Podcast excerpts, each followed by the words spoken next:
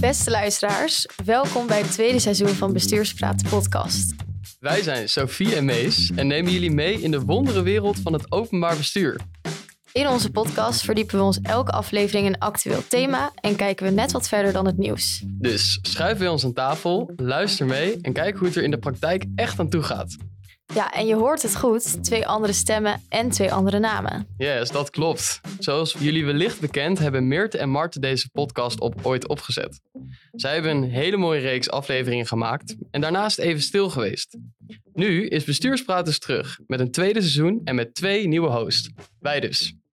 En Mees, kan je jezelf misschien even kort voorstellen aan de luisteraars? Zeker. Mijn naam is dus Mees. Ik ben 24 jaar en werkzaam als junior adviseur in het openbaar bestuur. Ik heb hiervoor politicologie gestudeerd in Leiden en woon nu al een tijdje in Amsterdam. En Sophie, wie ben jij eigenlijk? Ik ben ook adviseur bij Berenschot binnen de afdeling openbaar bestuur. Ik ben zelf bestuurskundige en organisatiekundige.